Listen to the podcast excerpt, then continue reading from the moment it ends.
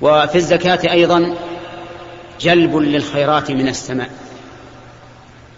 فإنه قد ورد في الحديث ما منع قوم زكاة أموالهم إلا منعوا القطر من السماء. فإذا أدى الناس زكاة أموالهم أنزل الله لهم بركات بركات من السماء والأرض. وحصل في هذا نزول المطر ونبات الأرض وشبع المواشي وسقي الناس بهذا الماء الذي ينزل من السماء وغير ذلك من المصالح الكثيرة. وفي, وفي الزكاة أيضا إعانة للمجاهدين في سبيل الله. لأن من أصناف الزكاة المجا... الجهاد في سبيل الله كما قال تعالى وفي سبيل الله. وفي الزكاة أيضا تحرير العبيد أن يحرر الأرق من الرق. فإن الإنسان يجوز أن يشتري عبدا مملوكا من الزكاة فيعتقه لأن الله قال وفي الرقاب وفي الزكاة أيضا فك الذمم من الديون. كم من إنسان من حمولة ذات حسب وجاه ابتلي بارتكاب الديون عليه فتؤدى عنه من الزكاة. فيحصل في هذا خير كثير. فكاك لذمته ورد حق لمن له الحق. وفي الزكاة أيضا إعانة المسافرين الذين الذين تنقطع بهم السبل. فيضيع ماله الذي أتى به معه ولا يجد ما يوصله إلى بلده فهذا يعطى من الزكاة ما يوصله إلى بلده ولو كان غنيا في بلده. المهم أن الزكاة فيها مصالح كثيرة ولهذا صارت ركنا من أركان الإسلام. واختلف العلماء فيما لو تهاون الإنسان بها. هل يكفر كما يكفر بالتهاون في الصلاة أو لا؟ والصحيح أنه لا يكفر. صحيح أنه لا يكفر. ودليل ذلك ما رواه مسلم عن أبي هريرة رضي الله عنه أن النبي صلى الله عليه وسلم قال ما من صاحب ذهب ولا فضة لا يؤدي منها حقها إلا إذا كان يوم القيامة صفحت له صفائح من نار فأحمي عليها في نار جهنم زيادة والعياذ بالله فيكوى بها جنبه وجبينه وظهره كلما بردت أعيدت في يوم كان مقداره خمسين ألف سنة حتى يقضى بين العباد ثم يرى سبيله إما إلى الجنة وإما إلى النار. فإن هذا الحديث يدل على أنه لا يكفر لأنه لو, لو كان كافرا بترك الزكاة لم يكن له سبيل إلى الجنة. والحديث يقول ثم يرى سبيله إما إلى الجنة وإما إلى النار. وعن الإمام أحمد رحمه الله رواية أنه يكفر إذا بخل بالزكاة. قال لأنها ركن من أركان الإسلام. وإذا فات ركن من أركان البيت سقط البيت. ولكن الصحيح أنه لا يكفر إلا أنه على خطر عظيم والعياذ بالله. وفيه هذا الوعيد الشديد. ويأتي إن شاء الله بيان الأموال التي فيها الزكاة. ومن تبعهم بإحسان إلى يوم الدين. أما بعد فقد سبق لنا شيء من الكلام على الركن الثالث من أركان الإسلام الذي بينه النبي صلى الله عليه وسلم في رده على جبريل حين سأله عن الإسلام. فسبق لنا شيء من الكلام على الزكاة.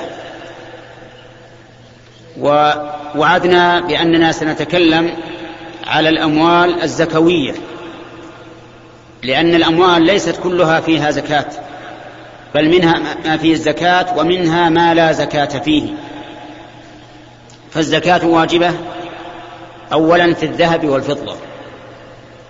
الذهب والفضة تجب الزكاة فيهما على أي حال كان سواء كانت نقودا كالدراهم والدنانير أو تبرا كالقطع من الذهب أو الفضة أو حليا يلبس أو يلبس ويستعار أو غير ذلك. المهم أن نفس هذا المعدن وهو الذهب والفضة فيه الزكاة على كل حال.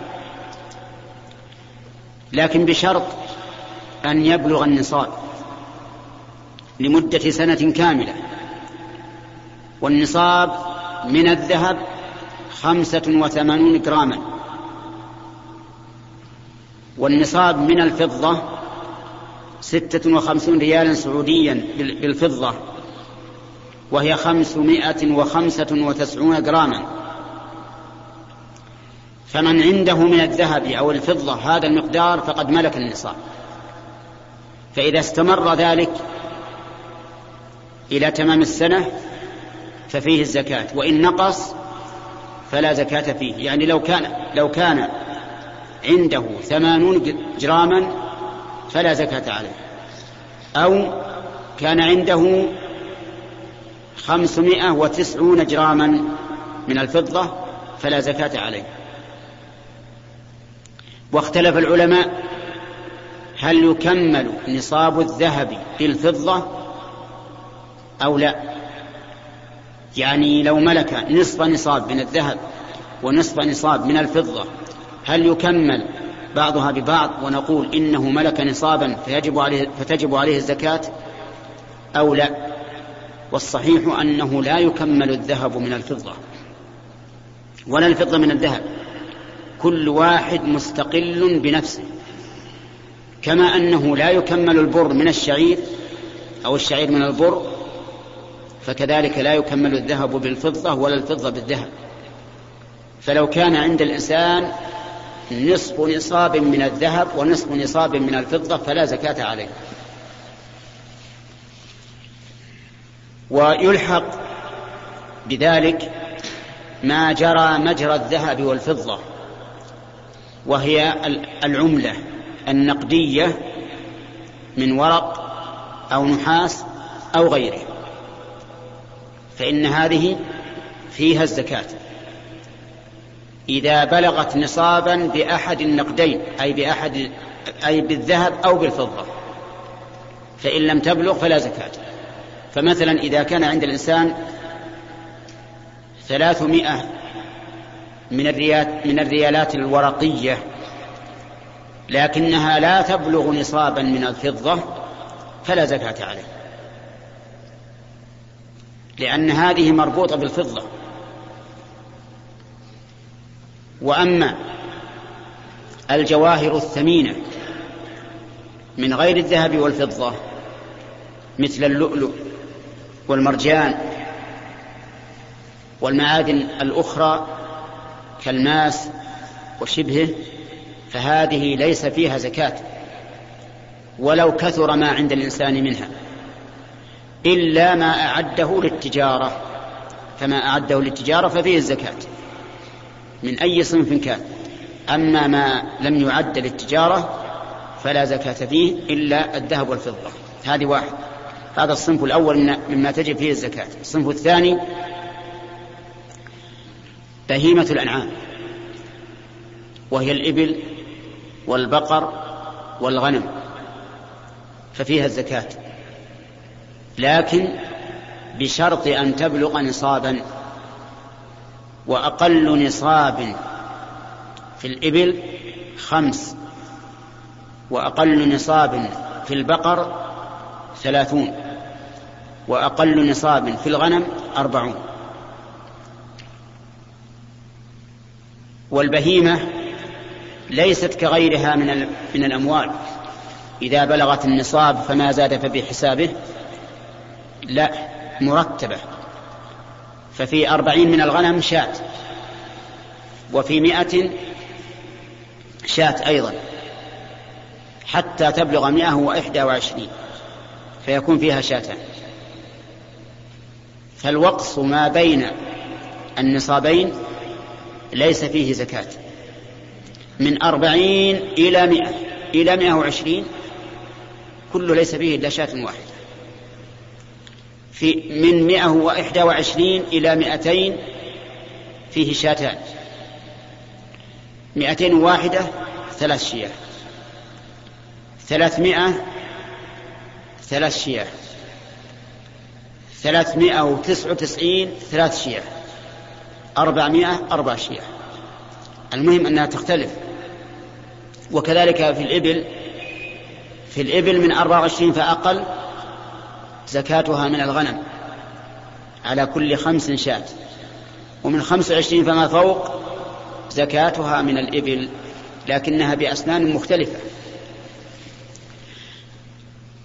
بهيمة الأنعام يشترط لوجوب الزكاة فيها أن تبلغ النصاب. وأن تكون سائمة. السائمة يعني الراعية التي ترعى في البر لا تعلف.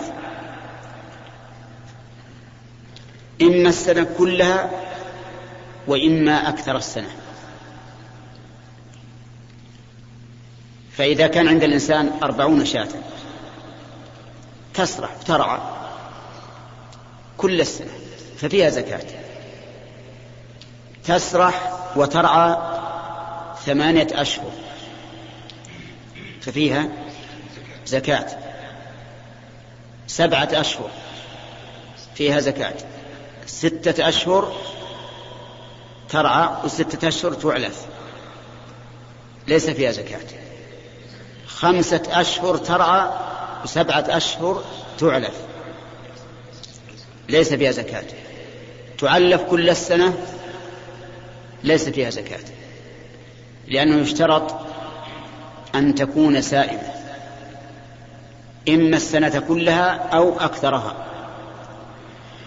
والشرط الثاني أن تبلغ النصاب وقد عرفتم أول نصاب الإبل وهو خمس وأول نصاب البقر ثلاثون وأول نصاب الغنم أربعون. ولكن إذا كان عند إذا كان الإنسان متاجرا في في الغنم مثلا متاجرا. ليس يبقي الغنم للتنمية والنسل ولكنه متاجر يشتري البهيمة اليوم ويبيعها غدا يطلب الربح فهذا عليه الزكاة. ولو لم يكن عنده إلا واحدة إذا بلغت نصابا في الفضة. لأن عروض التجارة فيها الزكاة بكل حال. ونصابها مقدر بنصاب الذهب أو الفضة. والغالب أن الأحض للفقراء هو الفضة في زماننا لأن الذهب غالي. الثالث من الأموال الزكوية الخارج من الأرض من حبوب وثمار. مثل التمر البر الرز الشعير وما أشبهه. وهذا لا بد فيه من بلوغ النصاب وهو ثلاثمائة صاع بصاع النبي صلى الله عليه وسلم. ويعرفه الذين يأخذون الزكاة من الفلاحين يعرفونه. فإذا كان عند الإنسان نخل يثمر وبلغت ثماره نصابا وجب عليه الزكاة. ويجب عليه أن يخرج من متوسط الثمر. لا من الطيب فيظلم ولا من الردي فيظلم وإنما يكون من من الوسط. وإذا وإذا باع الإنسان ثمرته فإنه يزكي من الثمن. يزكي من الثمن. مقدار الزكاة في الخارج من الأرض نصف العشر أو العشر إن كان يشرب سيحا بدون مكاين أو مواطير فإن فيه العشر كاملا. العشر يعني واحد من عشرة. فإذا كان عنده مثلا عشرة آلاف كيلو فالواجب عليه كم؟ ألف كيلو العشر. أما إذا كان يستخرج الماء بوسيلة كالمواطير والمكاين وشبهها فإن عليه نصف العشر. ففي عشرة آلاف كيلو خمسمائة فقط. وه... نعم. و... وذلك لأن الذي يسقى بمؤونة يغرم فيه الفلاح أكثر من الذي يسقى بلا مؤونة فكان من حكمة الله عز وجل ورحمته أن خفف الزكاة على هذا الذي يسقيه بالمؤونة والتعب.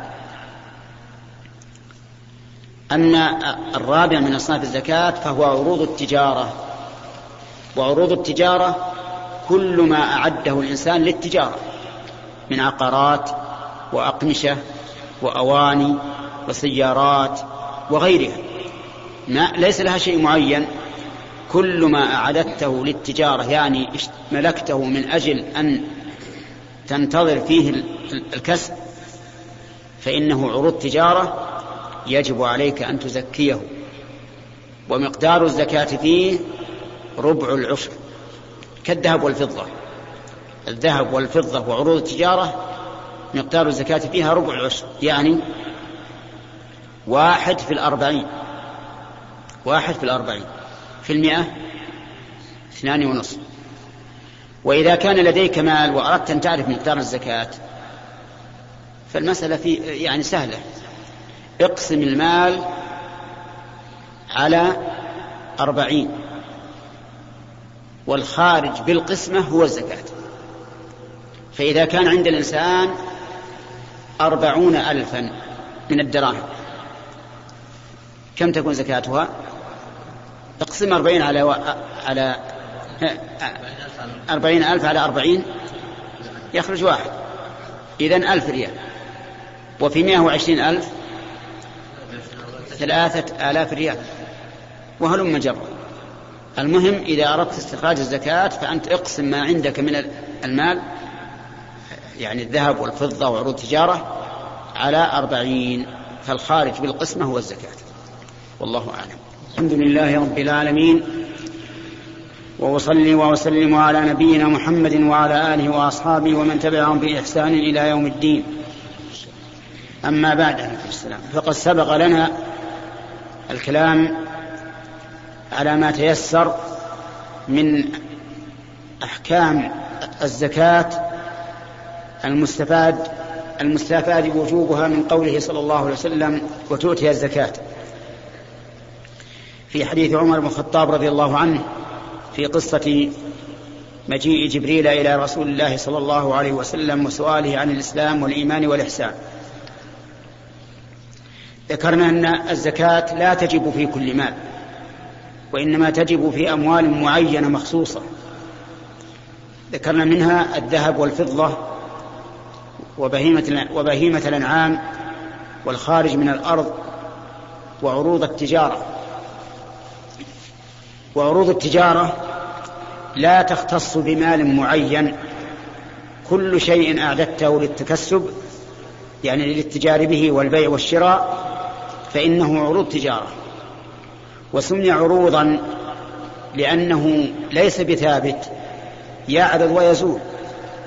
كل شيء يعرض ويزول يسمى عرضا كما قال تعالى تبتغون عرض الدنيا.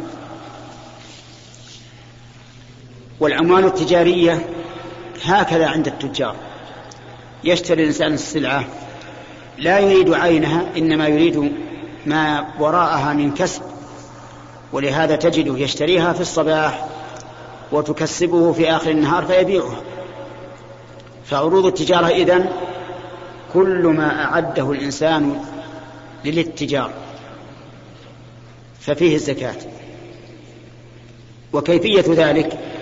أنه إذا جاء وقت الزكاة في مالك تقوم كل ما عندك من هذه العروض وتخرج ربع عشر قيمتها. حتى وإن كنت لم تشتريها إلا أخيرا. مثال ذلك إنسان تحل زكاته في شهر رجب. واشترى سلعة في شهر ربيع. فنقول له إذا جاء شهر رجب فقدر قيمتها بما تساوي وأخرج زكاتها.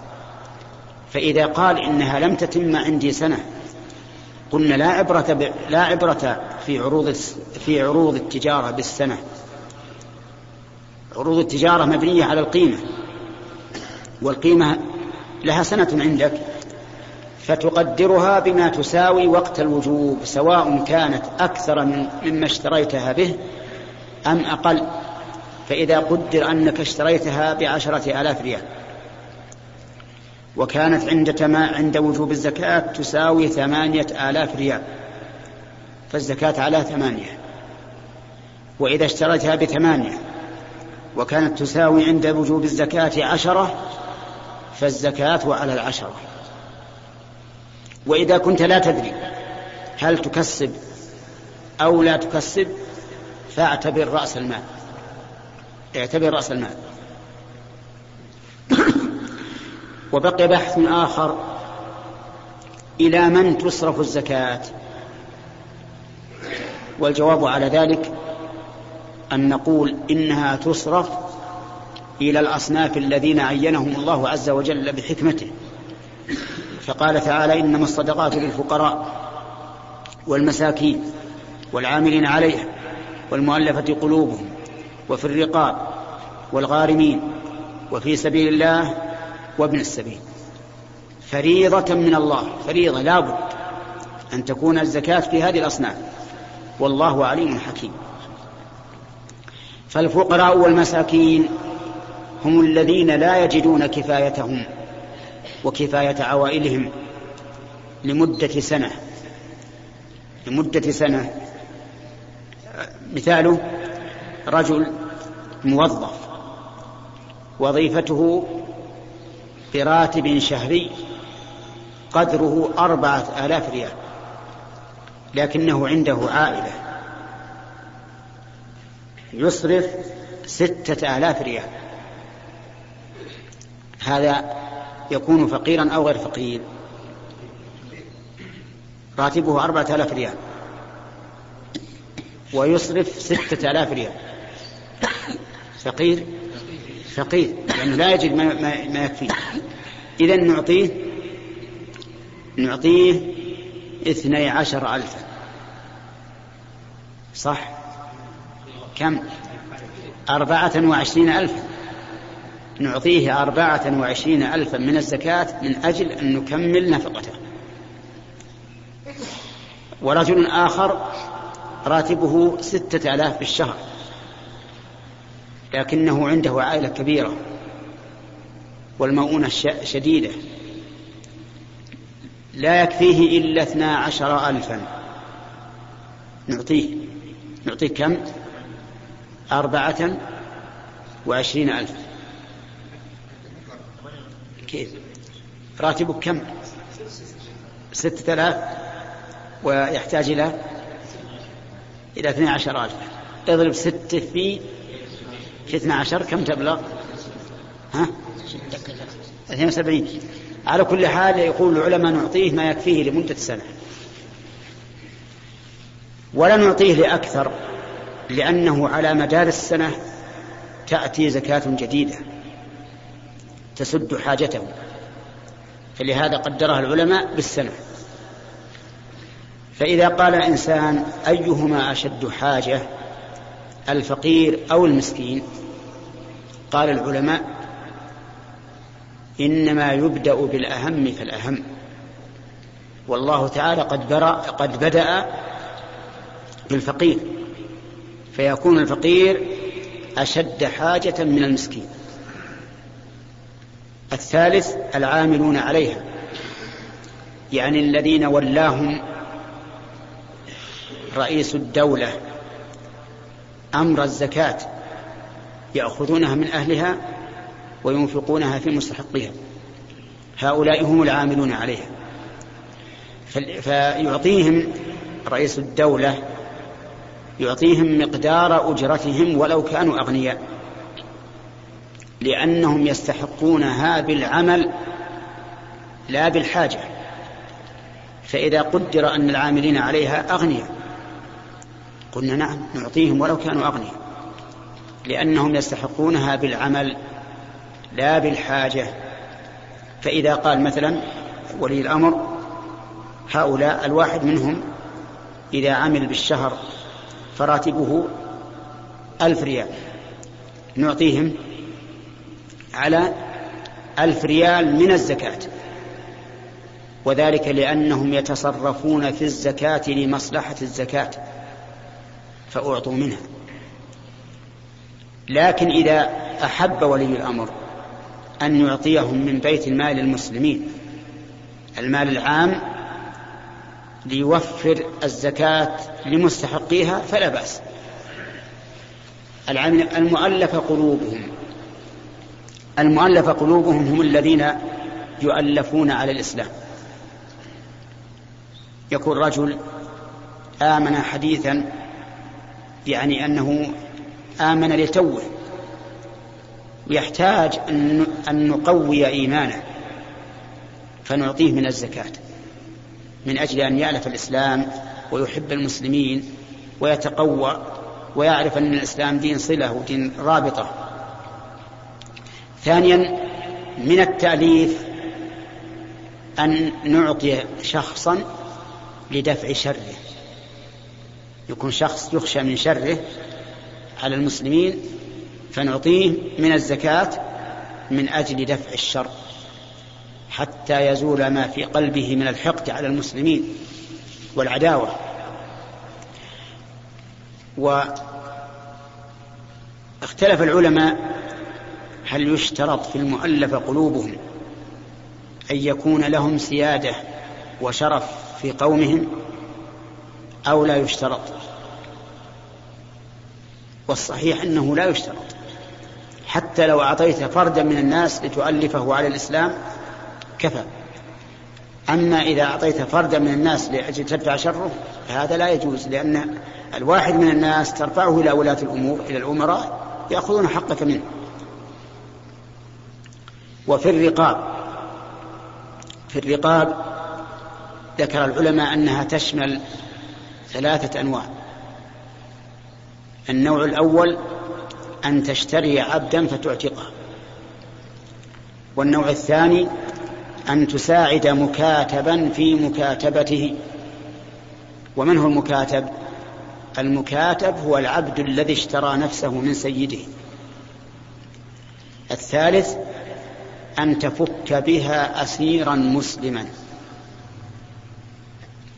أسير عند الكفار مسلم أو عند غيرهم حتى لو اختطف مسلم عند أناس ظلمه ولم يفكوه إلا بفداء من الزكاة فلا بأس. فالرقاب تشمل ثلاثة أنواع. عبد يشتري فيعتقه. مكاتب يعين في مكاتبته أسير مسلم يفديه بمال والله الموفق محمد وعلى آله وأصحابه ومن تبعهم بإحسان إلى يوم الدين. أما بعد فقد تقدم الكلام على ما يسره الله من أحكام الزكاة. وكنا نتحدث عن أصناف الزكاة الذين أمر الله تعالى أن تؤدى الزكاة إليهم. تكلمنا على الفقراء والمساكين والعاملين عليها والمؤلفة قلوبهم وفي الرقاب. وقوله, وقوله تعالى وفي الرقاب ذكرنا أنها تشمل إيش؟ ثلاثة أشياء. أما قوله والغارمين. فالغارم هو الذي يكون في ذمته. دين لا يستطيع وفاءه. أو يكون في ذمته دين لمصلحة عامة وإن كان يستطيع وفاءه. ولهذا قال العلماء إن الغرم نوعان. نوع الأول النوع الأول الغارم لغيره. والثاني الغارم لنفسه. يعني الغارم لغيره هو الذي يغرم مالا لإصلاح ذات البين مثل أن يكون بين قبيلتين نزاع ومشاجرة مخاصمة معاداة بغضاء فيقوم رجل من أهل الخير فيصلح بين القبيلتين على مال يلتزم به في ذمته. فهنا يكون غارما لكن ليس لنفسه بل لمصلحة عامة وهي الإصلاح بين هاتين القبيلتين. قال العلماء فيعطى هذا الرجل ما يوفي به الغرم وإن كان غنيا. لأن هذا ليس لنفسه هذا لمصلحة الغير. فيعطى ولو كان غنيا. فلو قدر أن رجلا عنده مئة ألف غني.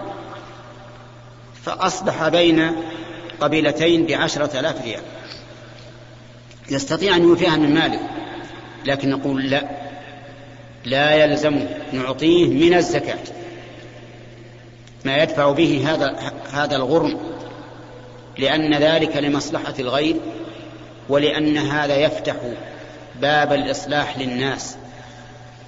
لأننا لو لم نعن هذا الرجل ونعطه ما ما غرم لا تكاسل الناس عن الإصلاح بين بين الفئات المتناحرة والمتعادية. فإذا أعطيناه ما غرم صار في هذا تنشيط له. أما النوع الثاني من الغرم فهو الغارم لنفسه. رجل استأجر بيته. بخمسة آلاف ريال. وليس عنده ما يدفع به الإجارة. ليس عنده شيء. هو في نفسه في أكله وشربه ولباسه ليس محتاجا. لكن يحتاج إلى وفاء الدين الذي لزمه باستئجار البيت. فنعطي هذا الرجل أجرة البيت من الزكاة. لأنه من الغارمين لأنه من الغارمين. كذلك إنسان أصيب بجائحة اجتاحت ماله حريق أو غرق أو ما أشبه ذلك وقد لحقه في هذا دين فنعطيه. ما يسدد دينه لأنه غير قادر على الوفاء.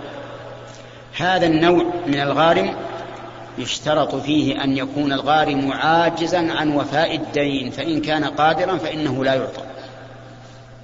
ولكن هل يجوز أن يذهب الإنسان إلى الطالب الذي له الدين ويقول له هذا الطلب الذي لك على فلان خذه وينويه من الزكاة؟ الجواب نعم. يجوز. وليس بشرط أن تعطي الغارم ليعطي الدائم مو شرط. يعني لو ذهبت إلى الدائم من أول الأمر وقلت يا فلان أنا بلغني أنك تطلب فلان عشرة آلاف ريال. قال نعم. وثبت هذا. أقول تفضل هذه عشرة آلاف ريال. ولا حاجة أن أقول للمطلوب إني أوفيت عنك. لا حاجة. وذلك لأن المقصود إبراء الذمة وهو حاصل سواء أخبرته أم لم تخبره. وتأمل التعبير في الآية. نقرأ. إنما الصدقات للفقراء والمساكين. محمد المساكين مش معطوف عليه.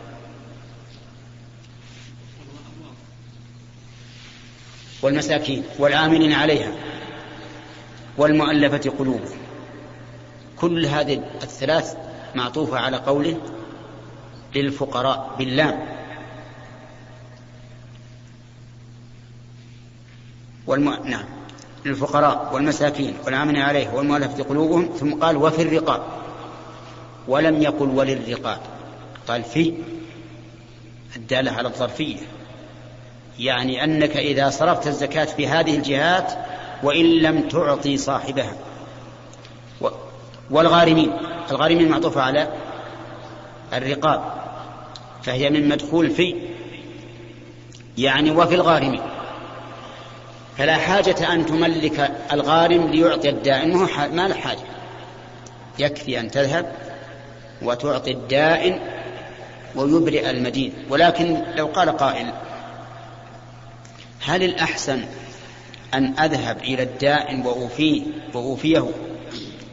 أو أن أعطي الغريم ليوفي بنفسه؟ نقول في هذا التفصيل. إذا كنت تخشى أنك لو أعطيت الغريم لم يوفي. أكل الدراهم وخلى الدين على ما هو عليه. فهنا لا تعطي الغريم. من تعطي؟ أعطي الدائن الطالب. لأني, لأني لو أعطيت الغريم ذهب يشتري أشياء ما له داعي وترك الدين. لأن بعض الناس لا يهتم بالدين الذي عليه. فإذا علمت أن هذا الغريم لو أعطيته لأفسد المال وبقيت ذمته مشغولة فإنني لا أعطيه بل أعطي الدائم طيب. أما إذا كان الرجل الغريم المطلوب صاحب عقل ودين ولا يمكن أن يرضى ببقاء ذمته مشغولة وأعلم أو يغلب على ظني كثيرا أنني إذا أعطيته سوف يذهب فورا إلى الدائن ويقضي من دينه فهنا نعطي الغريم. نقول خذ هذه الدراهم أوف بها عن نفسك. لأن هذا أستر له. لأنك لو ذهبت أنت لتوفي صار فيه غضاضة عليه لكن إذا أعطيته هو ليوفي هذا لا شك أستر له وأحسن. ولكن يجب علينا إذا كنا نوزع زكاة أن نحذر من حيلة بعض الناس. بعض الناس يقدم لك كشف في الدين الذي عليه. وتوفي ما شاء الله أن توفي وبعد سنة يقدم لك نفس الكشف. ولا يخصم الذي أوفي عنه. فانتبه لهذا. لأن بعض الناس صار والعياذ بالله لا يهم حلال أو حرام. المهم اكتساب المال. فيأتي بالقائمة الأولى التي يمكن سدد نصفها. ويعرضها عليك. ففي مثل هذه الحال انتبه. انتبه لهذا الشيء. وقد قدم لنا من هذا النوع أشياء. وذهبنا نسلم الدائن. بناء على الكشف الذي قدم. فقال الدائن إنه قد أوفاني. قال الدائن إنه قد أوفاني وهذه مشكلة. هذه مشكلة. لكن الإنسان يتحرز. يتحرز. وهو إذا اتقى الله ما استطاع. ثم تبين بعد أن صاحب أن الذي أخذ الزكاة ليس أهلا للزكاة فإن ذمته تبرأ. وهذه من نعمة الله. يعني لو أعطيت إنسان تظنه من أهل الزكاة ثم تبين أنه مو من أهل الزكاة وأنت يوم تعطيه يغلب على ظنك أنه مستحق. فلا شيء عليك وزكاتك مقبولة. والله موفق.